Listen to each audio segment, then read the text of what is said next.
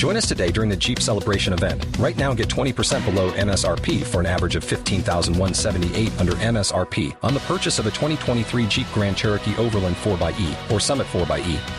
Not compatible with lease offers or with any other consumer incentive offers. 15,178 average based on 20% below average MSRP from all 2023 Grand Cherokee Overland 4xE and Summit 4xE models in dealer stock. Residency restrictions apply. Take retail delivery from dealer stock by 4 1. Jeep is a registered trademark.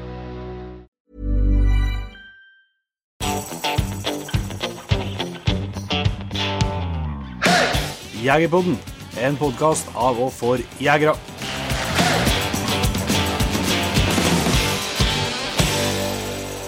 Hjertelig velkommen til en helt ny episode av Jegerpodden. Jeg heter Jon Petter Meldingen. Og jeg heter Jon Ingevik. Og de mest observante lytterne vil kanskje høre at lyden ikke er helt som den bruker å være, men det har en helt klar sammenheng med at uh, dere blir tatt opp i Nord-Europas minste tremannstelt på Hardangervidda. Dette er teambuilding, tror jeg du kaller det. ja, det, det er i hvert fall det, det er smittevernfaglig svakt. Ja. Det er teltet det, men det er veldig trivelig, da. Ja, jeg føler vi er kommet et eh, steg nærmere hverandre nå i løpet av de siste døgnene. her. Det gikk jo bra. Nei, vi har jo fått eh, muligheten eh, og en eh, kjenning som heter André. Vi gir oss muligheten til å komme og, og prøve oss på villreinjakt på Hardangervidda. Og da var vi jo selvsagt ikke spesielt tung å be. Nei, det var ikke eh, Vi må jo eh, se en takk til den andre Trondrud, da, som har Yes. ordna så vi fikk kjøpe oss kort. Eh, Så vet jeg jo ikke da. Vi visste vel det på forhånd at, eh, at mye av dyrene sto på, på grunn av været, som vi har lært i, av dem vi har pratet med tidligere om villreinjakt, så visste vi da at dyrene sto langt vest, så det var litt sånn sjansespill å dra hit, men det har nå endt med at uh, vi har verken blod på kniven eller blod på neglene. Nei, altså, for å si det sånn, jeg visste at sekken ikke skulle bli tyngre enn den jeg så jeg tappet eget telt. men jeg har jo hørt historier om 90 kilo sekker og brutalt, eh, men det var berga for det, da. Men det har vært en kjempeartig tur uansett. Eh, Fantastisk terreng å få gå i, og få se i. Det er jo, det er jo nytt for sånn, to sånne skogtroll fra Namdalen å se sånn vidda som er her. Ja, det er ganske uh, sjukt. Også vi er jo bare på vi er jo bare på ene enden av vidda, liksom. Ja, ja. Hun er mye større enn hva jeg trodde. Ja, det er drygt, det er drygt over, ja. Og på 1150 meter eller hva er oppå her. Ja. Så det Nei, det har vært kjempefint, og i dag har det vært en nydelig dag. Ligget ute i Lyggen og spilla kikkert og sovet en dupp og kosa oss. Hørte på radioen. Ja. Det var litt spenning på radioen eh, til tider òg, da. ja. Det var, det var jævlig spennende, spesielt vi trodde at dere var, måtte være helt oppe med oss. De drev og jakta og skjøt og greier. Og, og så begynte vi å finne ut på kartet at det var to og en halv mil dit. så en, en ber litt bedre radioen på Hardangervidda i Namdalen, antallet. Ja. Men skal ha skutt og gikk om radioen, da, for uh, skanninga fungerer søren meg bra. Ja, faen, det er artig å sitte og skyve litt på alle i hop. Ja. Høre. Ja, vi går til kanal 2. Å, det kan vi prøve dere. Kommer, kommer ikke unna. Nei da, så det, blir, det, det er jo første turen på reinsjakt, men jeg tror definitivt ikke det blir siste, selv om det har vært resultatløst. Og vi har jo bare sett uh, ett reinspor i, i myra så langt, så, så tror jeg nå at uh, det ikke blir siste turen. For uh, det gir absolutt mersmak å være i fjellet og få, fære og få gå i sånt område som bare på jakt. da. ja. Og så er det noe helt annet enn hva vi, den jakta vi bedriver til vanlig. Helt klart. Også fint terreng. og så er det jo fint, da. Vi ligger nå vi, hva vi var, 16 km unna nærmeste vei nå. Jo. og så er det litt villmarkskjensler. Ja. Det er det. Så, det- for dem som tror at vi bare jakter for Hilux, så, så er det et, bevi, et beviset som fins på at sånn er det ikke. Nei, ja, det har vært kjempeartig. Så har vi jo litt jakting igjen i morgen, så det kan jo fortsatt eh, klaffe hvis vi Ja skal være styggheldige. Så får vi, får vi se. Men eh, nei, det, det er artig med, med fjelliv og teltliv og et, Vi skulle jo egentlig ha Planen var egentlig at vi skulle hete Reinshjert i dag, men altså, akkurat akkurat Settelivsen Kårsinn, real, real turmatkar. Ja. Men vi har nå kosa oss i teltet med litt akevitt og øl og, Ja, ja. Må ha det trivelig på tur. og sider Ja, fra Hardanger. fra Hardanger. Det er litt lotepusstemning. Men eh, siden sist så er jo ikke eh, bare reinsjakt. Eh, vi flagga jo nesten forrige episode når, eh, når båndtvangen endelig slapp den klamme handa om, eh, om nakken på oss eh, og endelig fikk ut og slippe litt unna. Du har vært ute, Jon Inge. Ja. Jeg klarte ikke å, klarte ikke å dy meg etter klokka passerte tolv eh, natt til fredagen. Vet ikke, jo, natt til fredagen, ja. Så da får jeg ut med støverne og, og slapp dem. Og det endte faktisk med en jævlos, det, med på natta. Det gikk i sikkert. Det gikk i hi, ja. det var det. Det var Nei, tror jeg har ikke sett rev i sommer. Mm. Ikke i hele tatt. Uh, I, i dalstrøkene mine. Så uh, Men jeg skulle jo egentlig bare ut og lette dem på frisøk, men så så jeg en eh, rev på tur nedover dalen. Ja. Så da kunne ikke lett sjansen gå fra seg. Nei, nei, nei. Så da ble det, ble det revlos på, på den yngste støvelen, men det ja, gikk 60 meter, og så var det rett i hi. Så det, det, er på snitt. jeg følger, takta. Ja. ja, men det er bra. Det har vært så mye, mye annet i 2020 som ikke har vært som det bruker å være. Så det er bra at det er noe som, noe som opprettholdes. Ja. Og så slapp jeg hjem den på morgenen den 21., og på morgenen den om søndagen den 23. Ja. Og eh, han eh, eh, tydelig har fått eh, Ja, har blitt mer eh, erfaren, da. Ja. Eh, han Det har ikke vært noen sånn høydere når jeg slapp den og Første på tu- turene. Første eh, når det har vært de tidligere årene. Men i år så ja, Vi har brukt et kvarter tror jeg, på å finne elg på førsteslippet. Ja. Tok ut på 450 meter og ganske hett Hett uttak. hett uttak og sto ikke Nei. særlig godt. Det er utholdenhetstrening som gjelder nå. Ja da, det, er- nå er det kondisjon som trengs. Ja. Så nei da, han fikk, eh, fikk noen kilometer i fotene da, og hang på godt og, og greier. Så, eh, og samme på, samme på søndagen, og da, da gjorde han en jævla bra runde. Da hadde jeg med meg eh, fireåringen ut, da. Da gjorde han en jævla bra runde og tok ut på en kilometer. Og, og så kom det Det var hadde jeg nesten Der hadde jeg litt tro på at det skulle bli los, da. Mm. Helt til at eh, de kom imot oss og var inne på 300 meter. Eh, men uh, Men eh, Det var ikke stilt. Nei, det var ikke det. Uh, lurte, lurte, lurte på hva, hva det var som foregikk oppi her nå når hunden skjelte sånn. Så da snudde jeg, og da ble det aldri kontakt igjen etter det. Så da det ble konvensjonstrening da. Men jeg er godt fornøyd med, med det. Han har jo tulla veldig mye. Han har jo liksom ikke jakta når jeg slapp den før, før jakta tidligere. Så mm. jeg er godt fornøyd med, med de første slippene. Ja. Jeg er ikke så forut og slippe, ut og slippe begge hundene både fredag og lørdag, òg, men det ble aldri noe, aldri noe elglos til det. Eh, og Milla som slapp gikk med Tinka, gikk med Eko. Så første han så gikk vel begge Skapela av Eiko drar bestandig ut og leter, men han fant ikke elg, det. Nei. Jeg er litt sånn lurig på, eh, på lørdagen der om eh, de endte opp på jerv. Ja. Eh, Jeg, kan ikke, jeg har ikke noe bevis for det, men jeg, vi, de får surra litt eh, eh, begge to. Og så fikk jeg Eikhoff hvor den plassen ikke skulle ikke skulle være, så jeg var henta til han og kobla han igjen og slapp den på ny plass. Og mens jeg slapp han, så så jeg på pælen at Tinka begynte å spore på et eller annet. Ja. Uh, det var spora, spora, spora. Det gikk ganske sakte, men uh, spora nå. Og så uh, begynte Eikhoff å trekkes mot det området der òg. Og så ble det et uttak på han. Uh, jeg hørte uttaket, for det var ikke så stega langt fra meg, bare en 500-600 meter. Det var ikke sånn ja, Det var ikke verken fugl eller fisk, det var ikke sånn harry springseppa Nei. harry-lyd. Det, det var ikke eh, elg, elglyd heller. Nei. Så jeg spekulerte på hva det var, og da det sporet til Tinka endte jo nedi der, eller om hun, om hun hørte han og for ned, eller om hun, det vet jeg jo ikke. da. Men da la de seg på et spor, eh, begge to, eh, og det kryssa jo veien flere plasser, grusvei flere plasser, og det var ikke noe, noe elgspor der, det var såpass mjukt, Og det nomt ene plassen så jeg jo hundespor også. Mm.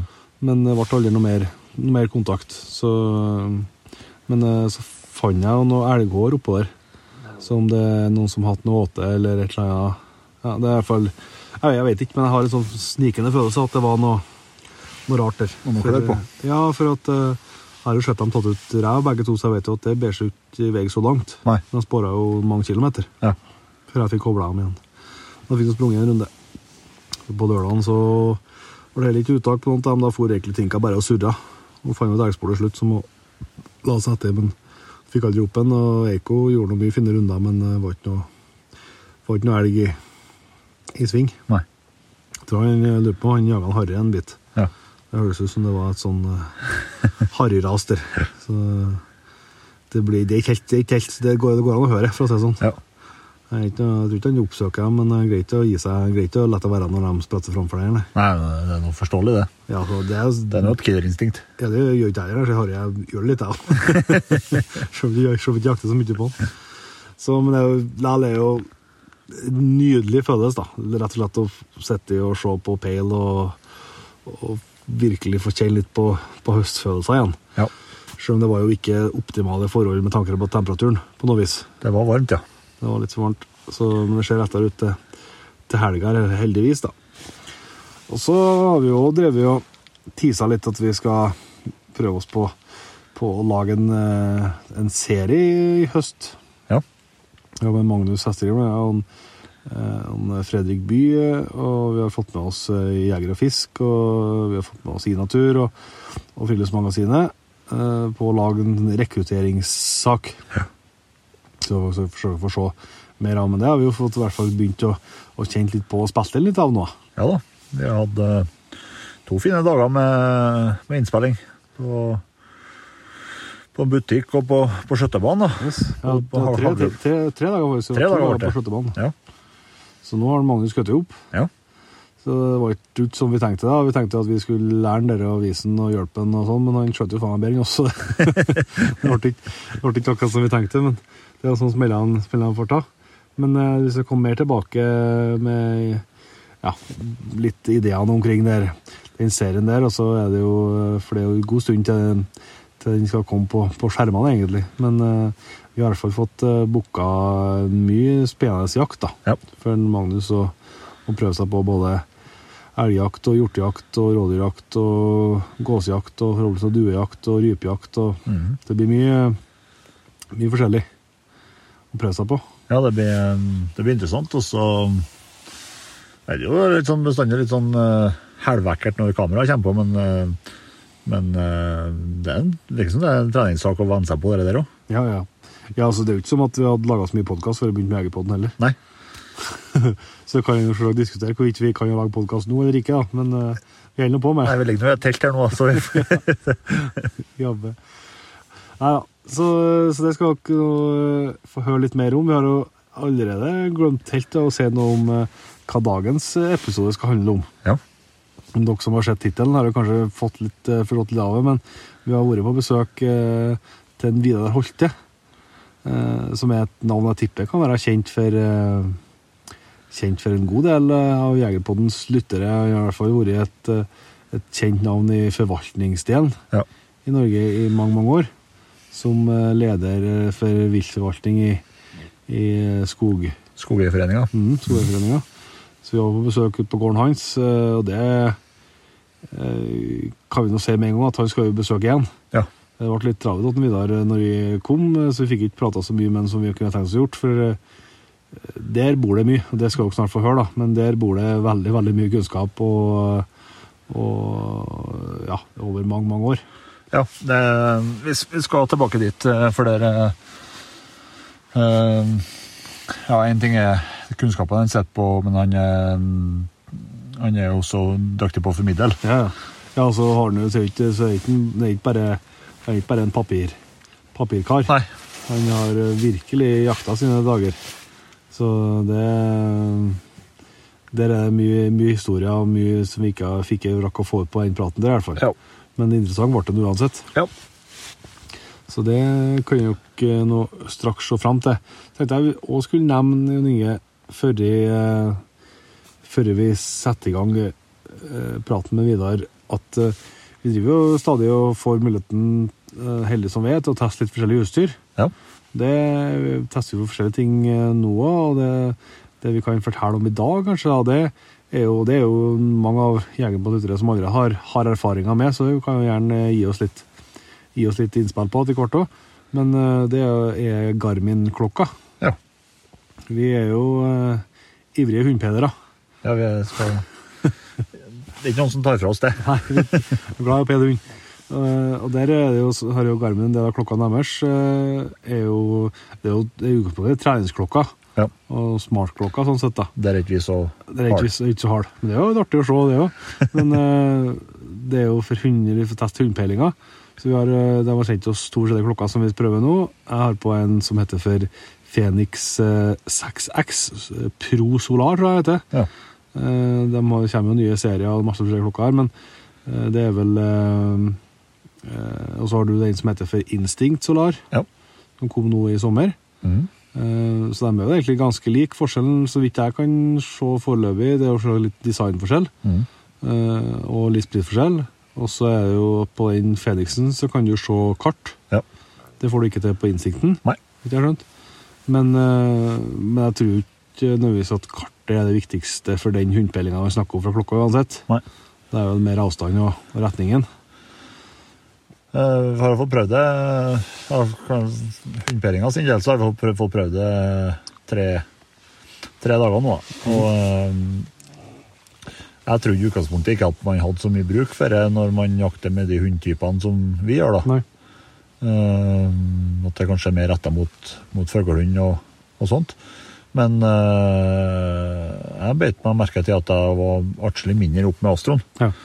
Eh, det Mange ganger når du er oppe med astroen, så er det jo bare for å sjekke. En lenger unna i nærmere deg. Ja. Eh, så, så i hvert fall på, på, den, eh, på den instinkten så, så ser du jo retningen og avstand. Og det er jo egentlig avstand som, er, Avgjørende, ja. som, er, som gir deg Ja, det gir deg når man pusser skoene eller man er Ja, på tur ut. ja. Så eh, den, er... den Og så var det fryktelig enkelt å få kobla opp. Mm. Ja, det bare hekter seg på. Ja, det er besvært. Eh, Så jeg er godt fornøyd til nå. Altså det, som, det som jeg i utgangspunktet var skeptisk til, men som har imponert meg mest, det er batteritida. Ja, ja det er jo helt uh, overlegent. Ja. Det, sånn som det ser ut til nå, så trenger jeg å lade kanskje en gang i vekka. Når jeg har på strømsparing Ja. og sånn på, på natta. Mm. Så tror jeg det holder med å lade en dag i vekka. Jeg tror det kan fort lenge mer òg. Ja, ja. Ja, det er godtegn når batteritida er i dager, ikke i, ikke i prosent eller Ja. timer. Ja.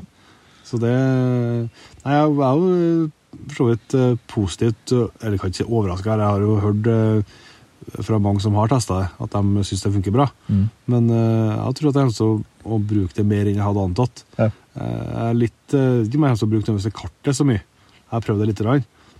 Men du blir så mye tregere. På, for, at, du- for panorering og sånt rundt på kartet. Ja. Sånn at eh, Men det er jo akkurat den der spesielt Jeg nå har ikke fått testa det, for det har ikke vært noe, noe stålås å gå inn på, men, men det jeg ser for meg spesielt, er jo på tur inn på dos. Ja. Og bare kunne kaste blikket ned på klokka for å se om det står fortsatt. Mm. Uh, det er Ja, også av, av, avstand. Ja, avstand. sant? Så at du, men det er så at eh, Nei, det det blir spennende å teste videre utover, eh, utover høsten. Og, og det er noe kjekt ser jeg nå når vi og går i fjellet.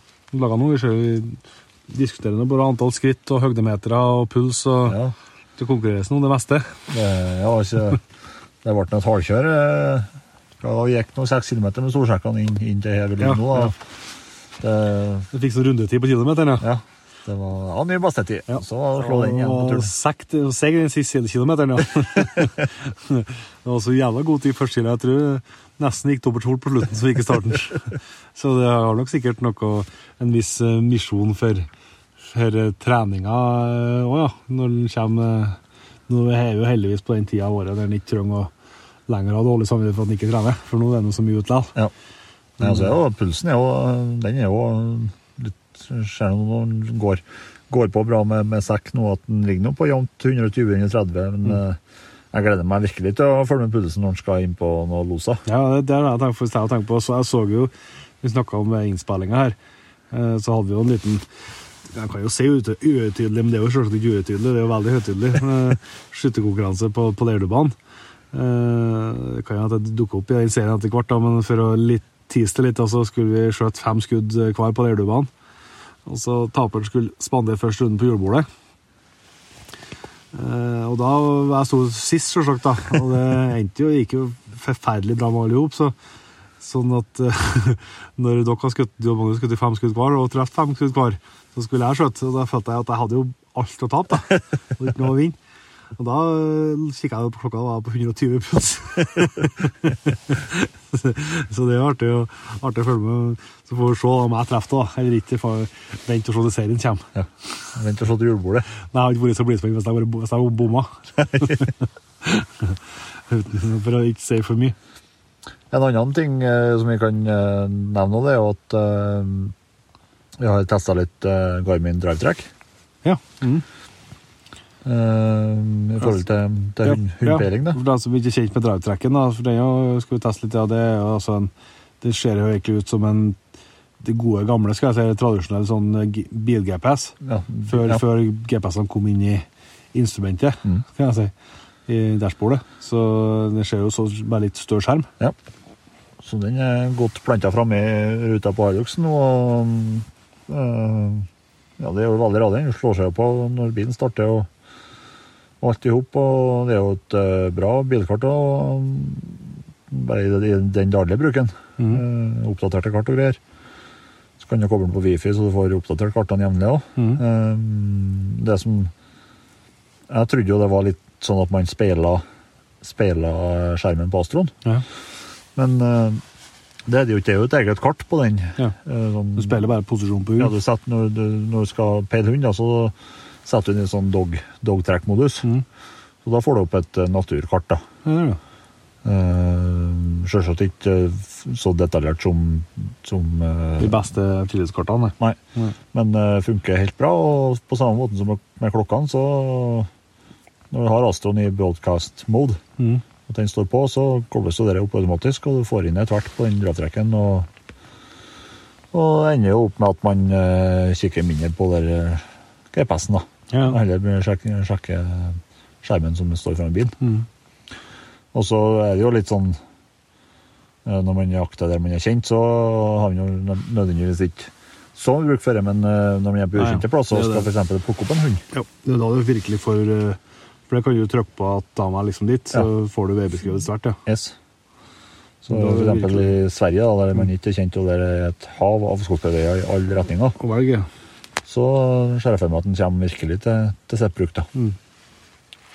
Og så har vi ikke testa ennå, men det er ideen med, med å teste rundt den her er jo at den er kompatibel med noe trådløse kamera. Ja. Som gjør at den skal forske på å ha bak i hundekassen. Mm. Og se hva hundene egentlig driver med når vi kjører bil. Ja, se på at de sover. Det er spennende. Men, eh, nei, så det, det, men det jo Du kan jo ikke ha mange skjermer inne i bilen, så hvis de får til å kombinere to sånne, så er det vært genialt. Ja. Det, blir, og det så ikke ut som det var, skulle var så eh, avansert å koble opp kamera der, for de er jo trådløse og sånn, så det, jeg tror det skal fungere bra. Vi må bare få tak i kamera, så vi får testa ordentlig. Absolutt. Og når vi først er inn, før vi runder av eh, Hundpeder-spesialen, som er i ferd med å bli nå, så har vi jo bestilt oss eh, hva er vår ny eh, art, tracker Artemis òg. Ja. Vi er jo ivrige trekkerbrukere i tillegg til Garmin, så, så det blir jo artig å få prøve den nye, nye halsbåndet der. Ja. Se om det Ny og ny, den kom i fjor, da. Jo, jo, men for oss er den helt ny. Ja, ja. Det hjelper jo ikke. Folk har jo faen jakta videre enn i 10 000 år, men det er jo helt tross for oss så, så det hjelper jo ikke. Nei da, men jeg, jeg tror nok eh, Og det, det var mange det var en del som kjøpte den i fjor og for all del, men jeg tror nok og, eh, mange sitter litt på gjerdet og venter og, og sånt da. Ja. For at den Supraen og for så vidt eh, G1000-ene, eller hva de heter, og, og, de funker jo ennå godt, dem òg. Men det er jo eh, tregen som er i ferd med å forsvinne og, Mm. og litt sånn. Uh, og den har jo en del nyheter uh, i hard, på hardware-sida, den, den uh, Artemisen, som, som i hvert fall lover godt. da. Ja. Så får vi se hva de klarer å, å utnytte av det både nå og, og framover, trekker-gjengen. Men da har vi nå surra godt ifra Hva heter det? Vi ligger oppe med Kås... Kås- Kåsadalsvatnet. Ja. Så da kanskje vi skal sette over til en uh, Vidar. Yes. Da har vi gleden av å ønske Vidar Holte hjertelig velkommen til Jegerpodden. Takk for det. Og tusen takk for at vi fikk lov til å komme hjem til deg. Nå sitter vi på gården din i, i Son. Det er det det heter? Ja, Ja. Vi er jo ikke lokalkjent, vi vet som kommer rett fra Trøndelag og hit. Ja, det ligger ved Oslofjorden, en mils vei nord for Moss. Ja. Og her Så- har du et fantastisk fin plass, da. Ja da, jeg er oppvokst her og har lært meg å nytte de muligheter som er i nærområdet, enten det er jakt eller turgåing.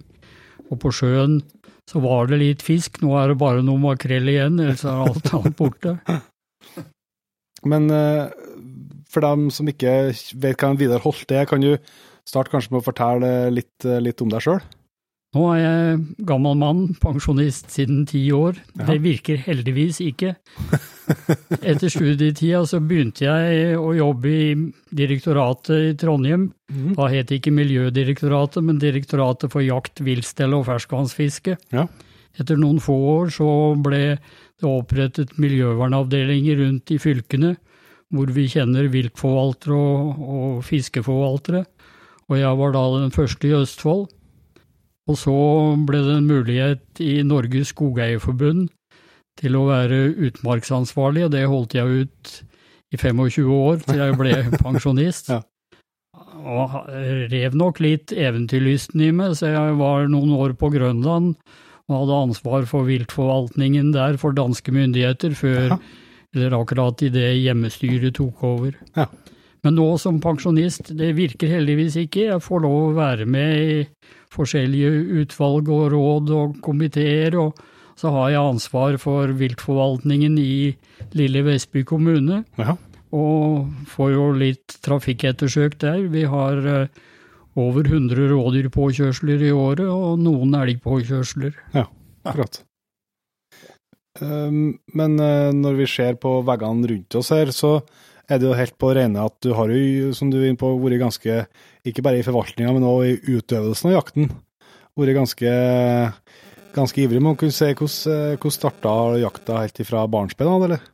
Ja da, jeg er arvelig belasta. Jeg overtok uh, viltnemnda etter faren min da Ja, ja. den var, men som liten guttunge så fikk jeg liten Kongsberg salongrifle. Jaha. Og når det første snøen var, så var det ekorn de aller første årene. Å gå og skyte ekorn. Vi fikk fire kroner stykket for pene vinterskinn. Ja. Men vi ble litt snytt av han som kjøpte skinnene av oss, så vi tok igjen, vi. Skjøt noen ekorn om sommeren når de tok og rev ned pærekarten, og så flådde vi dem. For ekornskinn skulle alltid selges med vrangen, ja. eller innsida ut. Ja. Og uh, enten det var helt sommerpels eller full vinterpels, så var lærsida helt hvit. Ja. Hvis du skjøt dem litt tidlig på høsten, sånn i oktober-november, og sånn de ikke hadde pelsa ut, ja da sladra det, for da var jo lærsida sånn at du så at dette var ikke fullpelsa. Men vi leverte med noen sommerpelser, så vi tok igjen for han voksne mannen som snøt oss. Så vil jeg tro at eh, interessen for, for rådyr måtte ha dukka opp ganske, ganske tidlig, den òg. Bevares, det gjorde den. Jeg skjøt rådyrbukk mens jeg gikk på gymnaset. Ja. Senere så kan du jo kanskje tro at det har blitt en mani, og, og jeg er veldig fascinert av rådyr, for det er muligheter til å jakte på mange forskjellige måter, og alltid nye overraskelser, og for meg så har nok jakten kanskje vært mye ikke en avkobling, men en tilkobling. Ja.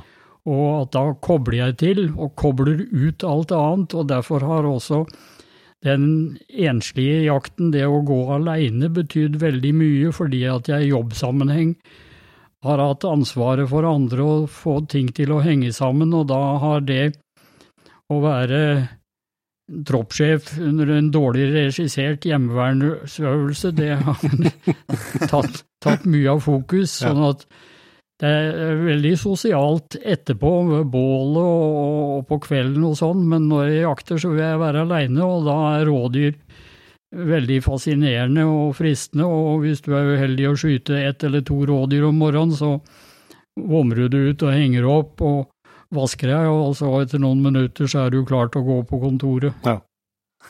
Det er litt, det er litt mer arbeid med elgen, ja. Men eh, det er jo Det, skjer ser jo at du er utvilsomt vært en ivrig rådyrjeger, men det har jo jakta mye annet, både inn- og utland? Ja. Ja, jeg, jeg, dere hilste jo på Ellen før vi gikk og satte oss her sånn, og jeg er veldig snilt gift, så jeg har fått lov å, å reise mye og jakte. Og eh, ja, dere ser jo når dere ser dere rundt her. Jeg fant ut, jeg ble spurt her for litt siden, jeg har fått lov å jakte i 30 forskjellige land. Ja. I de fleste kontinenter, så mange ganger samme sted, så jeg har hatt mye opplevelser. Ja, Det vil jeg tro. Hva er det av, de, av den ut, jakta utenfor Norges grenser, hva er det som har fascinert deg, vært de største opplevelsene for din del? da? Det er nok eh, høyfjellsjakt, enten det er sibirsk steinbukk, tur i Kaukasus, eller det er spanske steinbukker, eller det er Dollskip i, i Alaska, så, så er det sånn høyfjellsjakt, gemsejakt. Ja. Og har hatt en del fantastiske opplevelser med gemser i både Østerrike, Slovenia, Kroatia, Tyrkia, Kaukasus. Men uh, så ble jeg jo litt nysgjerrig, må innrømme. Det da ved første gangen jeg treffer noen som har vært viltforvalter på Grønland. Eh, hvordan, hvordan var den jobben? Hva for, hva, hva, hva som forvaltes der? Da, helt på slutten av 70-tallet, så var de veldig bekymra fordi det var en veldig nedgang i reinbestanden på vestsida. Og lå ihjelsulta dyr, og eh, de store trekkene fra innlandsisen og ut til de bebodde områdene, enten det var ja, det som den gang het Holsteinsborg, Sisimiut, Mm. Og, eller til Nuke eh, Godthåp, opphørte, og en del foreslo at de måtte totalfrede. Og så hadde de ikke peiling på hva det var i det hele tatt. Og jeg kom med litt erfaring fra direktoratet i Trondheim med villreinforvaltning, og hjalp til vi gjorde noen beitegranskinger og noen tellinger, og kom til at det var jo om å gjøre heller å skyte hardere ned på de siste restene som var, for beitene var fullstendig utslitt. Det var Ja. totalt nedslitt og radmagre dyr. Ja. Så de måtte bøye seg i knea og vente til da at beitene etter en del år kunne ta seg opp igjen. Ja. Og det har skjedd, men det tok en del tid, det gjorde det. Men for en ung biolog og, og entusiastisk, så var det en eh, læreting som var enda viktigere, og det var å ha med seg lokalbefolkningen, inuittene der, ut på tellingene, slik at de var vitner, fordi dette var akkurat i, i en periode med radikal politiske bevegelser både i Norge, i Danmark og Grønland. Ja. Og da var det budskapet at eh, inuittene eller eskimoene hadde vært undertrykket av koloniherren i så og så mange hundre år, og eh, de hadde etnisk rett til å gjøre som de ville med reinsbestanden. Og da var det å få forklart ja, men det er ikke flere reinsdyr. Det er riktig at det var 50 000-100 000 for et par år siden, men nå er det ikke mer enn 20 000 eller 10 000 igjen.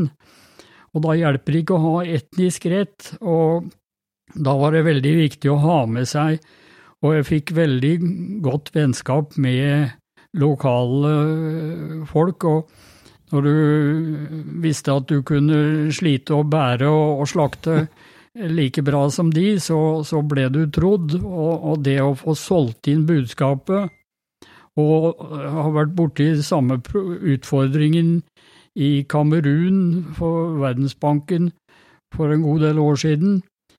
Naturfolk der, de hadde veldig forståelse av hva de så og registrerte, men de kom hele tiden med hva de tolket det til. Ja. Altså det var forskjell mellom observation, som jeg var interessert i å få fast, og interpretation, altså tolkningen Ja. av hva som var av elefanter eller flodhester, og hva som var av rein og reinbeite. Mm. Så det var en amerikansk biolog i mellomkrigstiden, veldig kjent, Aldo Leopold, han sa at det er lett å forvalte vilt, det er vanskeligere å forvalte mennesker.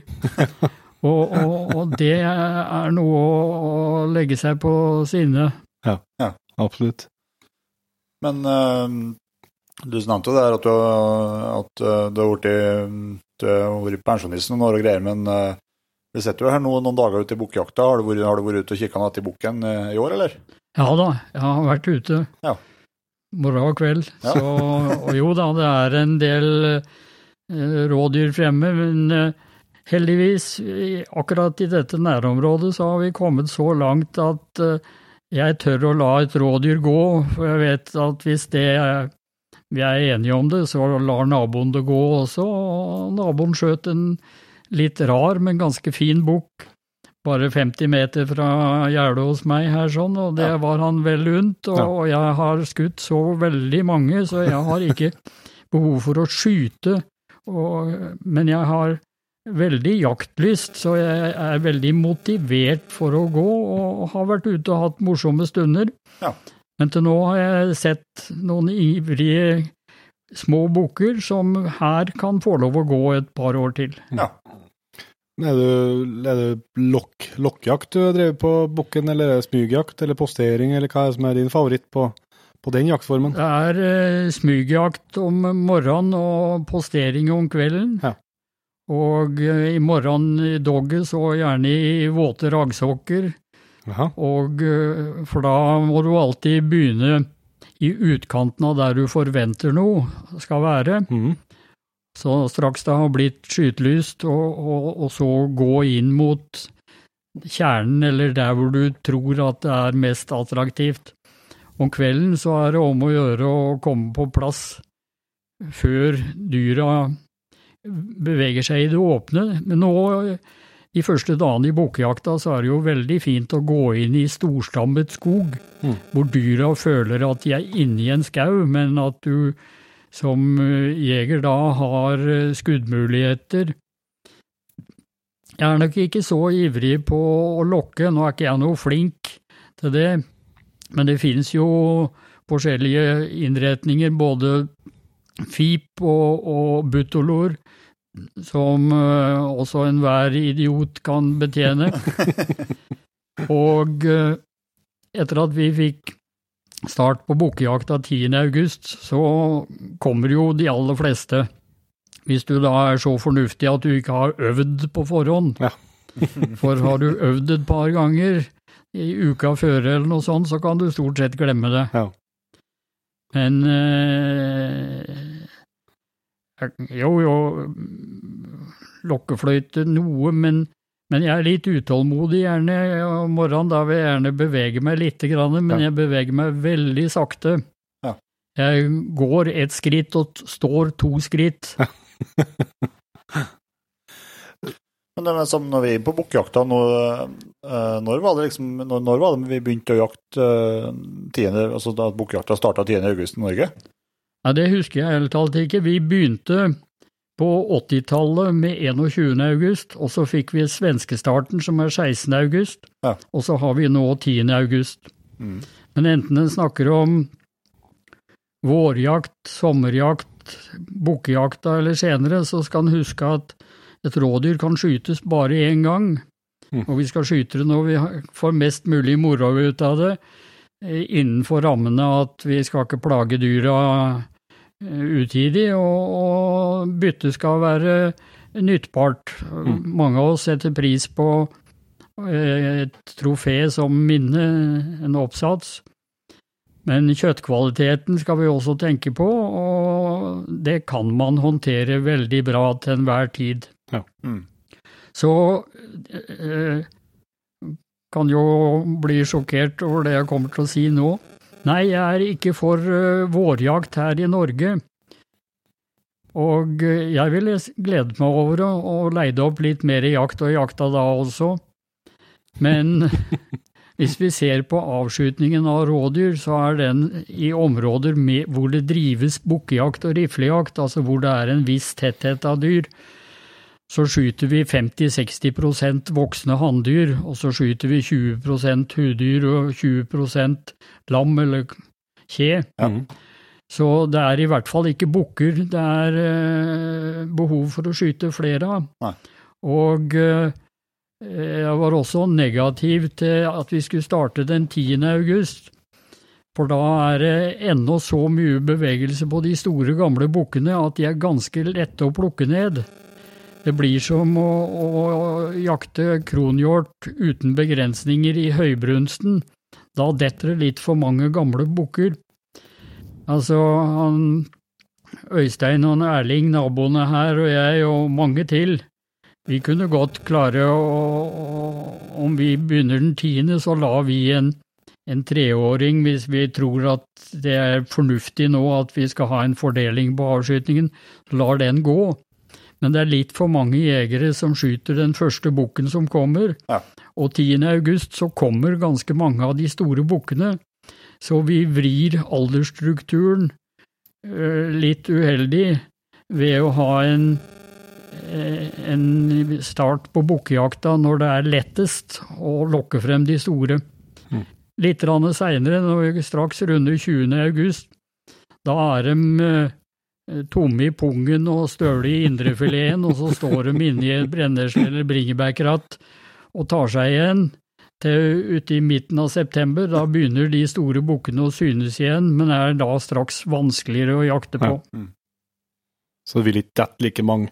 Men eh, nå har vi jo rådyr i, i store deler av Norge. Har vi, har vi alltid hatt det?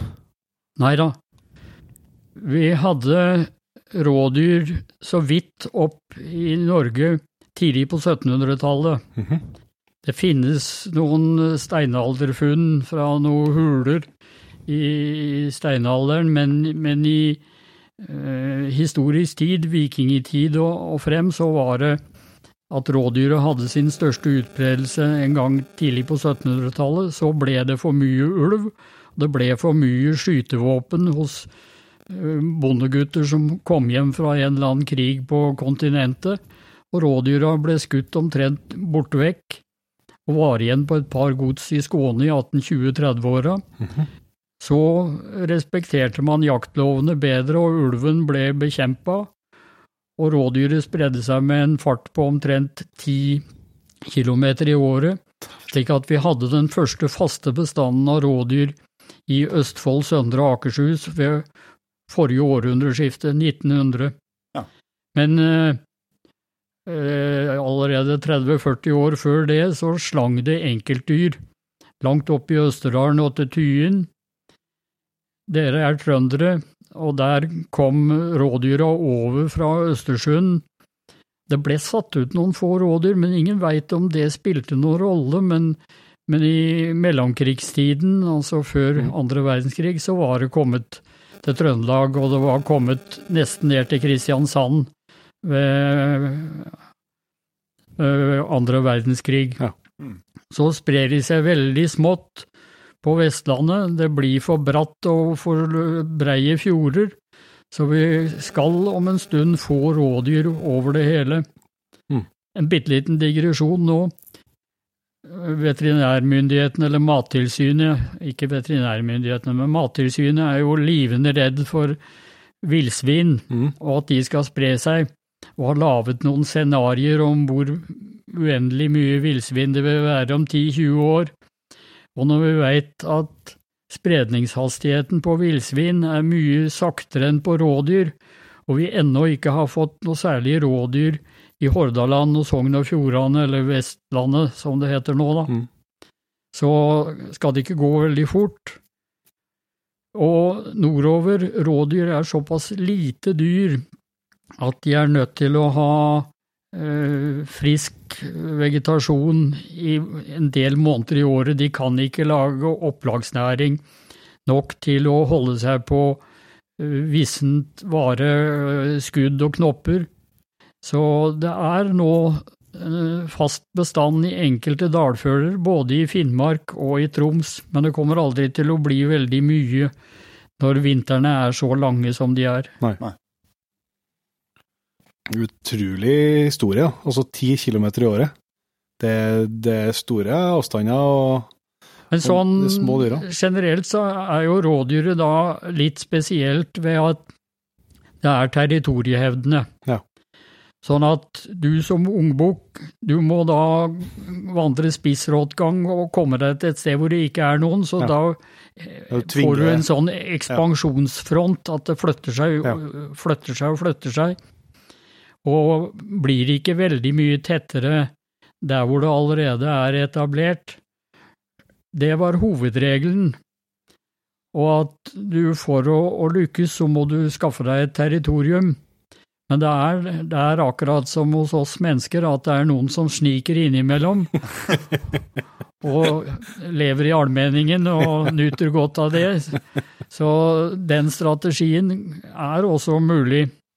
Og det er også sånn hvis et, eh, si, et større område, en større øy eller noe sånt, er eller et større landskapsområde da, er tett besatt, så er din beste sjanse, hvis du er en bukk, det er å, å bli i nærområdet og leite der. Om det blir et trangt og kronglete revir, så har du størst sjanse for å finne ei råe eller geit, som de fleste her i Norge sier. Å vandre ut der hvor det er ledig, det har lite for seg. Hvis du har tenkt å være på dansefest på, på lørdagen, så drar du heller dit hvor det må konkurrere med en del andre tøffere og flottere og høyere og mørkere enn å, å, å dra ut i skauen, for du har små sjanser for å finne noe attraktivt eh, kvinnebekjentskap Ved å dra ut i ensomheten. Så, så det er noen paradokser for, for hva som står og går, da. Ja. Men du spurte om, om rådyr, hvor lenge har vi hatt rådyr og sånt. Og det er klart, eh, vi har nå en mye tettere rådyrbestand enn vi har hatt noen gang før. Mm. Første året det var rådyrjakt i, i Norge var 1927. Da var det fire dagers jakttid. Ja. Og rådyra oppfattet alle mennesker som snille. Og de var ofte i flokker, men det var ikke så veldig mange. Det var konkurranse med beitedyr, ikke minst sau, som var veldig mye i utmark. Og sauen har et veldig overlapp med, med rådyra i beite. Det kan se grønt ut, men de plukker akkurat de samme smaksrike urtene begge to. Ja. Sånn at uh, de som har jakta litt forskjellige bygder her i Norge, opplever at der borte, der går det ikke rådyr. Der er det ikke rådyr, men på den andre sida av bekken, der er det rådyr. Og da kan du spørre neste spørsmål, var det sau der? Og, eh, da, og, og utmarksbeite av husdyr var ganske annerledes. mm. Klart det. Hva, men hva som er hvis vi, Forvaltninga, vi har snakka litt innpå det, men eh, Mitt inntrykk Jeg kan jo veldig lite om dette, åpenbart, i forhold til deg, Vidar, men det, jeg syns det virker som det forvaltes på mange forskjellige måter i, inn rundt om i Norge i dag. For all del. Og vi må jo da spørre oss, forvalter vi en rådyrbestand, eller forvalter vi en fellingstillatelse? Ja. Og hvis folk er eh, veldig fornøyd med å ha en eller flere fellingstillatelser, og har mulighet til å komme ut og brenne kaffe og koke bål, så er det jo det veldig ålreit hvis, de- hvis de gjør det på en ryddig måte. Hvis vi skal maksimere eller optimere et uttak, så kan det være annerledes. Ja. Men så skal vi huske forutsetningene da. Vi har ennå vinter og snø mange steder. Mm. Og av de 30 000, 40 000 rådyra som skytes hvert år, så skyter vi 80% av de på 20% av landområdet. Ja. En smal stripe langs kysten, både her sør og nord. Mens vi i Innlandet, på 80% av rådyrets utbredelsesområde, 80% av de kommunene som har rådyr, der skyter vi bare 20 Ja. Her nede ved Oslofjorden så har vi jo fem til åtte ganger så mye rådyr som vi har elg, tallmessig. Men du skal ikke langt inn i landet før elgen er et vanligere dyr enn rådyra. Nei. Så derfor eh, pass på hvis vi snakker forvaltning og ikke bare jakt, gjør det ikke for komplisert. Det er, mange steder er det vanskelig nok å få gjort uttaket, og eh, bestem ikke mer enn du har tenkt å gjennomføre, i hvert fall. Nei. En del steder så har kommunal myndighet eller offentlige viltforvaltere forlangt at avskytingen skal være 50% lam og 20% geiter og 30% bukker.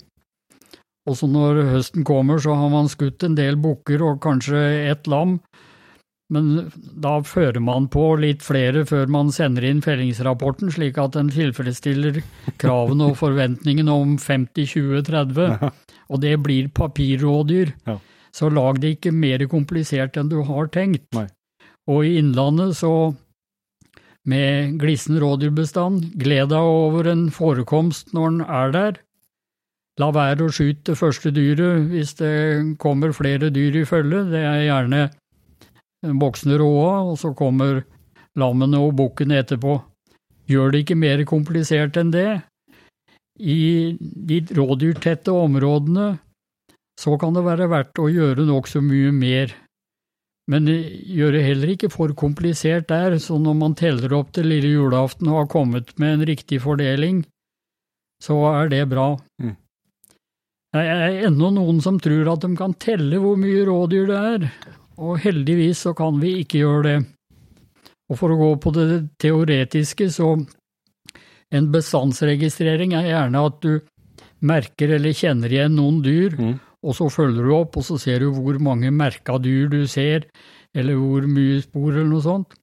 Det forutsetter at ett rådyr er ett rådyr, men en rådyrbestand består av voksne bukker med én måte å fordele seg på og oppføre seg på, ettårsspjælinger som flyr alle steder, og ettårsråene som også flyr alle steder, og den voksne, erfarne råa som har to eller tre lam eller noe sånt. Alle oppfører seg forskjellig, så du må enten taksere en av delene, eller så må du vite nøyaktig hva det er du har av de enkelte. Mm. Det som kan være mye mer fruktbart, det jobbes jo nå med rupetakseringer og enten bag limit eller at man har eh, jaktfrie soner eller noe sånt. Rådyr, litt forskjellig fra elg og hjort. Elg og hjort så er vi jo vant til disse sett elg og sett hjort-skjemaene. Og så samler vi sammen dem til lille julaften, og så teller vi opp, og så prøver vi å legge opp en kvote, en avskytning, året etter. I rypejakta så takserer man fra 21. august og til 10. september, og så sier man hvor mange ryper man får skyte om dagen, eller hvor mange dagsverk som tillates Mm. innen et område på 20 000 mål. Og varierer avskytningen. Det er det vi bør gjøre med rådyr, hvis vi vil riktig forvalte, ikke millimeter, men på metersnivå eller noe sånt. da. Gjennomfør bukkejakta, sitt på elgpost, se med kikkert og finn ut mange lam er det per råe, mange bukker er det per råe, som du kjenner i løpet av en lengre periode, ikke per time eller på en takstlinje eller med bikkja. Bikkja klarer å få et uttak om det er to dyr i skauen, Mm. og samme uttaket om det er ti dyr i skauen. Du merker ikke noe særlig forskjell, men ved å sitte på post eller sitte og se under bukkejakta, så får du en viss peiling. Og da skyter du bukker, det er greit, for det er eldre dyr. Men eh, da samler du opplysninger om det dette året er mer enn ett lam per alle råer, eller mer enn 1,5 blant de råene som har lam, Ja. og så kan du legge resten av avskytningen frem til lille julaften opp etter det. Og da får vi en dynamisk avhøstning, hvis vi følger opp det sånn noenlunde, hvis det er det vi har lyst til å, å gjøre. Mm. Vi veit i, i annen høsting, enten det er torsk eller det er eh, elg eller ryper, så er det forskjellige måter å høste på.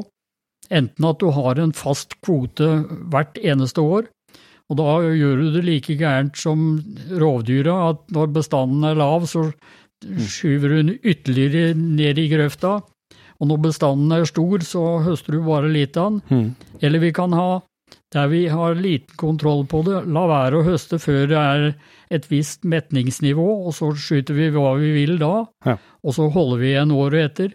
Men det er lite nyansert. Men å ha en avskytning som varierer fra år til år, hvis det er å optimere uttaket, avkastningen. Men kanskje er vi fornøyd med å ha det som vi har. Ja da, det kan være, men det, det er jo Hva er dine tanker for det? Det syns jeg er litt eh, altså, fascinerende med, med rådyret som, som jaktbar art. Altså, både altså, den, at det forvaltes eller eh, det regelverk som et storvilt fra nå og, og fram til 25.9, og så er det et småvilt etterpå. Uh, og at uh, i mitt hode altså, virker jo på vis uh, forvaltninga av hjortebestand og elgbestand uh, mer seriøs da, enn på rådyrene. Så det er en litt sånn art som detter litt mellom to stoler. Altså, det, altså, Vi tar det ikke like seriøst. Er det riktig tenkt, eller bommer jeg? Det er riktig iakttatt, men det er ikke riktig tenkt. Kan, Det er, det er typisk meg. nei, men altså, er, observasjonen er nok dekkende for, for hva som er tilfellet de aller fleste steder, det mm. tror jeg. Ja. Men det er muligheter til å gjøre det litt annerledes. Vi er her i bygda, nå ser du jo deg rundt, så ser du jo at jeg har jakta mye rådyr i, i England, i Skottland, i Danmark, i Sverige, i Tsjekkia, i Tyskland og ellers litt, et par land til. Så, så er det jo litt forskjellig. Men eh, vi eh, med den lokale jakta her, så så vi skjevt på hverandre.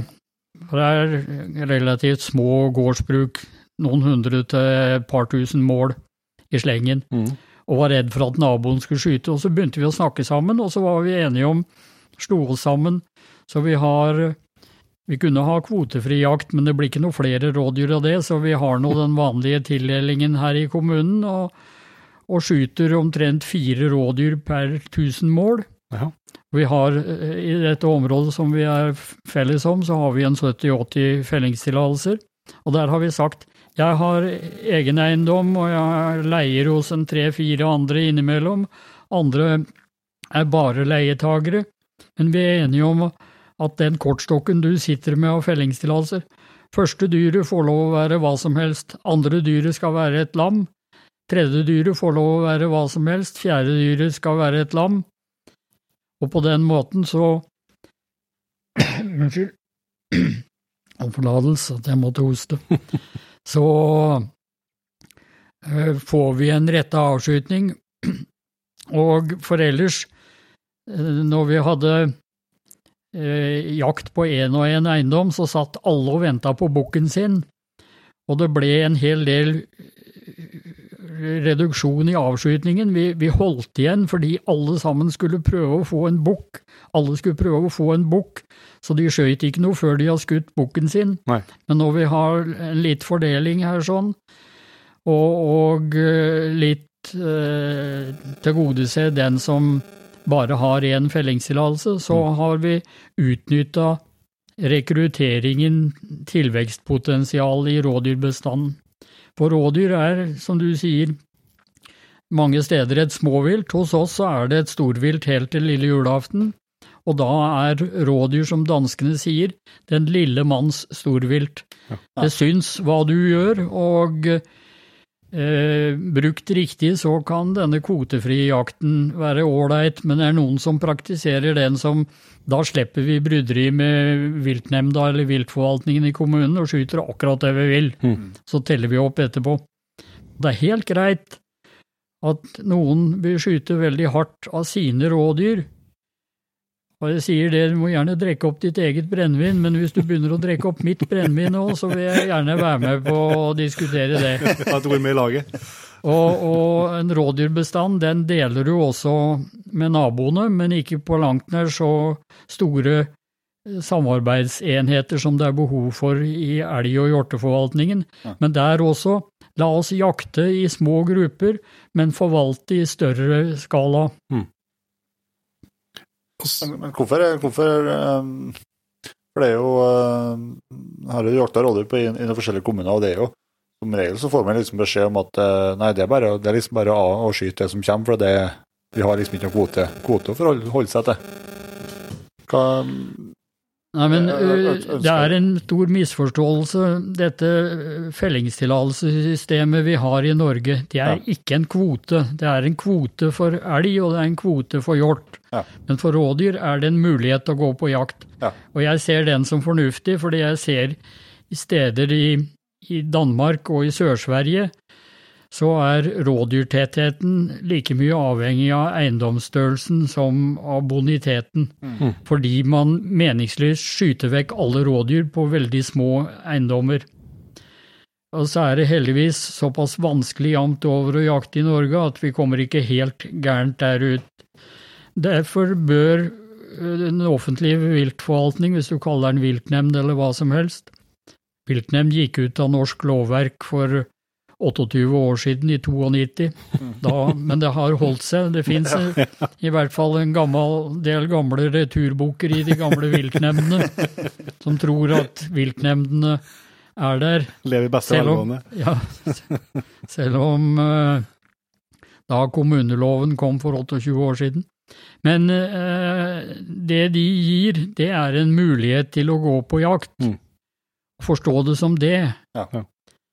Men så må det gis litt romslig, for det er en del rådyr er da litt forskjellige fordi det er såpass mye muligheter til å jakte som enkeltperson at de vil gjerne ha en tillatelse på eiendommen, for kanskje passer det sånn. Ja. Eller kanskje kommer svoger hjem, som ellers er mye bortreist.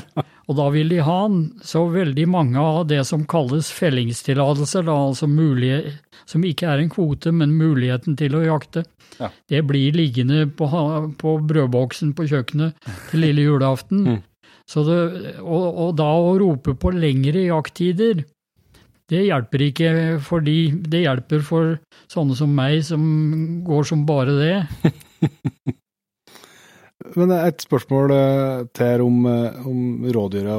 Eller det, det der med, med rådyr og, og rev og altså predasjon, hva, hva det, hvor viktig er det for rådyrbestanden rådyrbestand å, å jakte rev i det området du, du har eh, rådyrjakta di òg?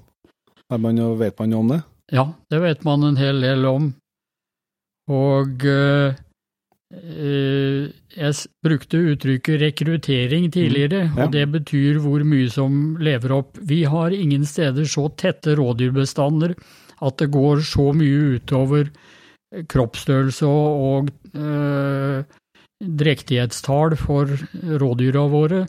Det ligger omtrent på samme nivå alle steder. Mhm. Noen steder så mister vi etter hvert ganske mye lam i fòrhøstere, eller Ja. Og eh, ettersom vi driver annerledes siloslått enn før, så er det verre og verre. Mm. Og her som det er lite høy, så opplever vi også at det, åkrene står tett, og at det blir kjørt i hjel en hel lam i sprøytesporene. Ja. Så det er ikke bare i eng det er. Men reven er da litt spesiell. Vi er vant til å ha lært om de store rovdyrene at hvis det er mye elg eller mye annet, så spiller ikke rovdyra noe særlig rolle. Men reven er litt motsatt. Når det er områder med ganske tett med rådyr, så spesialiserer reven seg på Da er det verdt ikke bare å snuppe et lam når det tilfeldigvis flyr forbi, men da legger du bort jakten på markmus og, og, andre smågnagere, og så jakter du systematisk på nyfødte lam, eller Ja. lam de første fire til seks ukene. Ja. Så tapene til rev er fakta større i tett rådyrbestander i jordbruksområder enn den er i skogsmark. Ja. Og eh, det er mange steder så i tettere rådyrbestander at 20-40% av lammene ryker med i reven. Ja. Og hvis du da kan ved varig å holde på å jakte rev vinterstid, og det er særlig det du skyter i, i februar-mars måned som monner, eh, å skyte ungrever nå i august-september eller etter 15. juli, det teller ikke veldig mye på det som tas da. Nei. Men eh, helt klart at eh, reven betyr mye, og den betyr veldig mye for rekrutteringen, tilveksten i bestanden, ikke for bestanden som sådan. Derimot gaupa, som jo jakter mye mer voksne dyr, og om vinteren jakter fakta dyr som er i best kondisjon, Mm. fordi den sitter og venter på, på at byttedyret skal komme foran gaupa, altså innenfor aksjonsradius. Ja. Sånn at ved å, å sjekke kondisjonen på gaupetatte rådyr og trafikkpåkjørte rådyr, så vil du finne at gaupetatte rådyr er stort sett i bedre kondisjon enn de som er trafikktatt. Ja. Ja. De har vært litt stygge med meg her, fordi eh, Vestby og, og undertegnede var nokså aktiv med da vi drev gaupeprosjektet til Nina og Jon Odden og andre, og hadde radioinstrumentert en del gauper. og med revebås i, på strategisk sted i egen skau, så merka vi ganske snart tre gauper der. Og den siste og den største, hanngaupa, den uh, ga dem navnet Vidar. så han gikk rundt med radiosender, og du kunne da logge deg inn på, på Nina og finne hvor den var til enhver tid. Han lever enda fortsatt, han er ganske gammel etter hvert, og batteriene har gått ut for lenge siden, men vi kjenner den på flekkmønsteret, Ja. eh, så du kan barkoden, kan du si. Ja, ja. Men eh, det som de var litt stygge med meg, det var sambygdinger. De var usikre på hvilken Vidar som var den største trussel for rådyrbestanden. Han på to eller han på fire. Ja, jeg blir imponert hvis han på fire har eh, Men det er jo ikke bare herifra, da. Det er vel for hele verden. men eh, er det, er, det liksom, er det reven og at det ikke finnes rev som gjør at man får så store rådyrbestander på en del av øyene rundt om uh, Trøndelagskysten og, og Helgelandskysten og sånt, der det veldig der det skytes veldig mye rådyr på ganske små områder?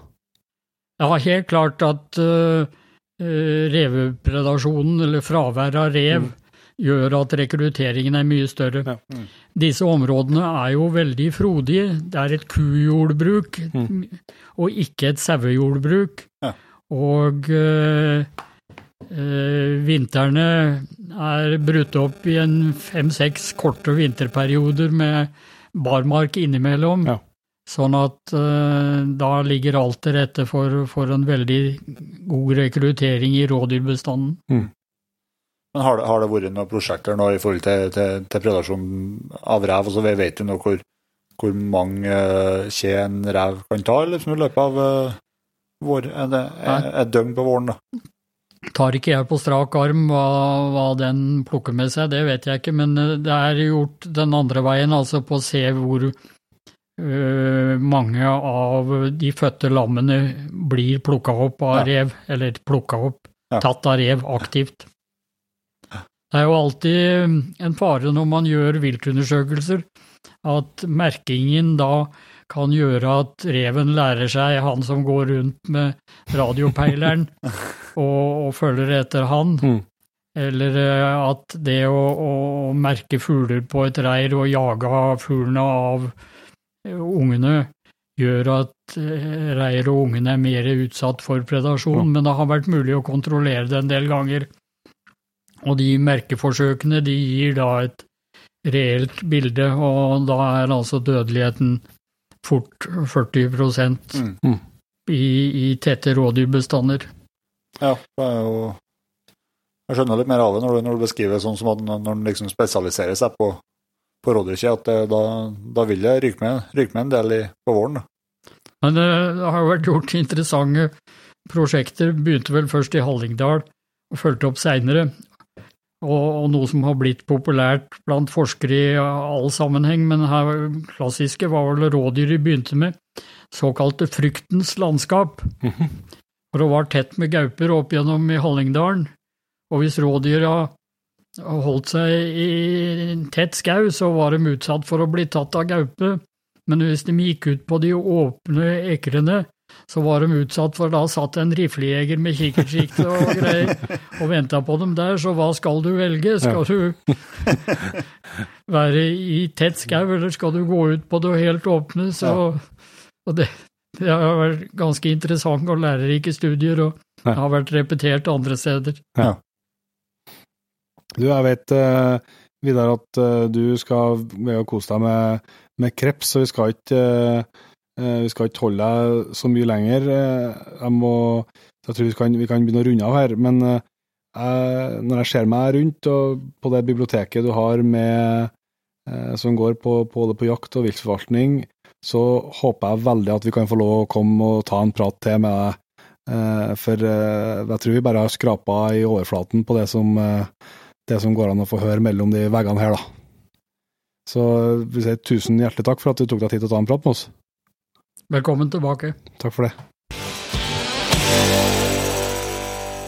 Det var Vidar Holte, folkens. Eh, Som dere hører, en eh, kar som har litt eh, kunnskap og tanker og ideer i, i hodet. Og utrolig artig å besøke ham og få se, eh, få se hvordan han, både hvordan han hadde det, men eh, han hadde altså et, et arkiv over jaktmagasin og Bøker og bøker og forskningsrapporter for rundt jakt og vilt som er jeg har i hvert fall ikke sett noe som er i nærheten noen gang.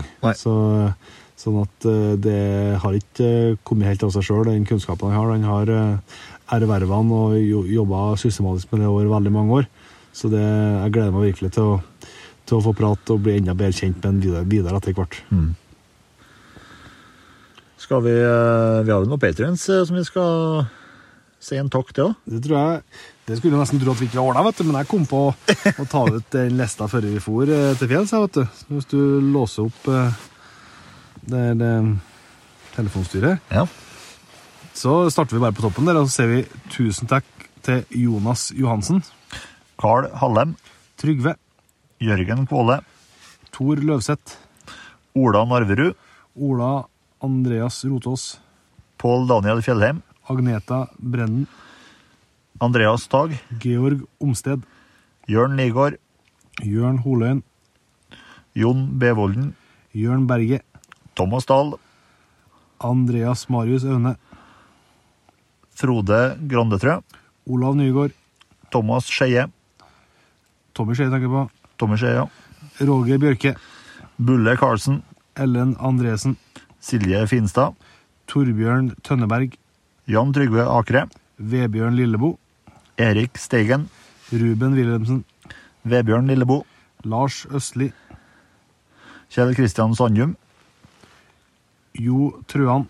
Jørgen Vik, Stein Oddvar Østgård, Bjørnar Vestvang, Andreas Tellebon, Isak Nilsen, Timothy, Jan Morten Nordli, Sigurd Dyrstad, Marius Lien, Simen Steigen, som var før gjestene mot, som var P3-episode, måtte vi P3 Simen for å holde Det Jeg skjønner jeg godt, setter pris på Stimen.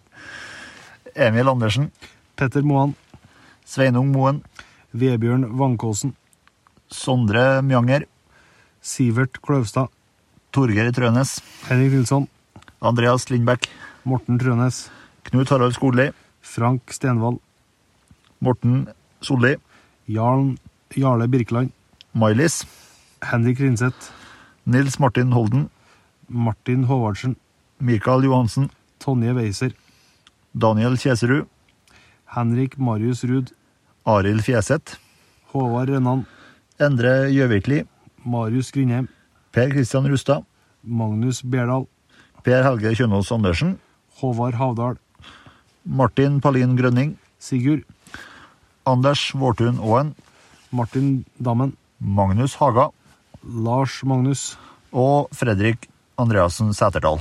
Tusen hjertelig takk til alle dere. Det var mange navn på kort tid.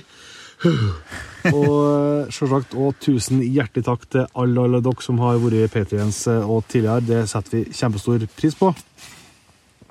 Men eh, er det best og slett på tide å runde av fra Kåsadalen, eller?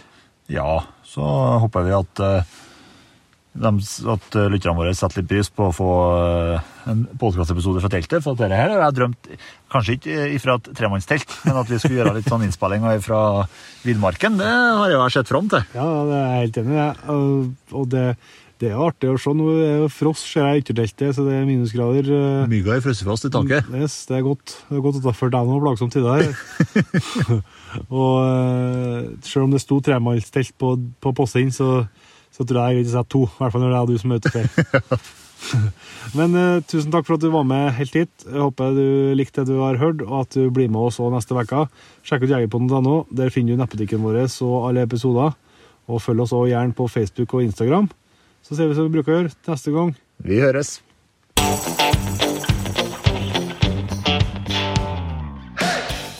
Tusen hjertelig takk for at du valgte å bruke litt av tida di på Jegerpodden. Sjekk ut jegerpodden.no eller eh, din favorittpodkastspiller for enda mer innhold og flere episoder. Følg også Jegerpodden på Facebook og Instagram, og ikke minst, husk å fortelle alle gode venner, familie og tilfeldige forbipasserende om Jegerpodden, sånn at vi får spredd det glade budskap videre. Vi høres. Ser vel det var å se begge to samtidig, men tar jo litt sikkert. Ja, Ja, jeg tar opp. tar opp. Tar opp, ja. Må bare prate høyt og tydelig, sikkert. Ja. Bra. Som vanlig, som vanlig, nær sagt. Du sagt i to år. Ja.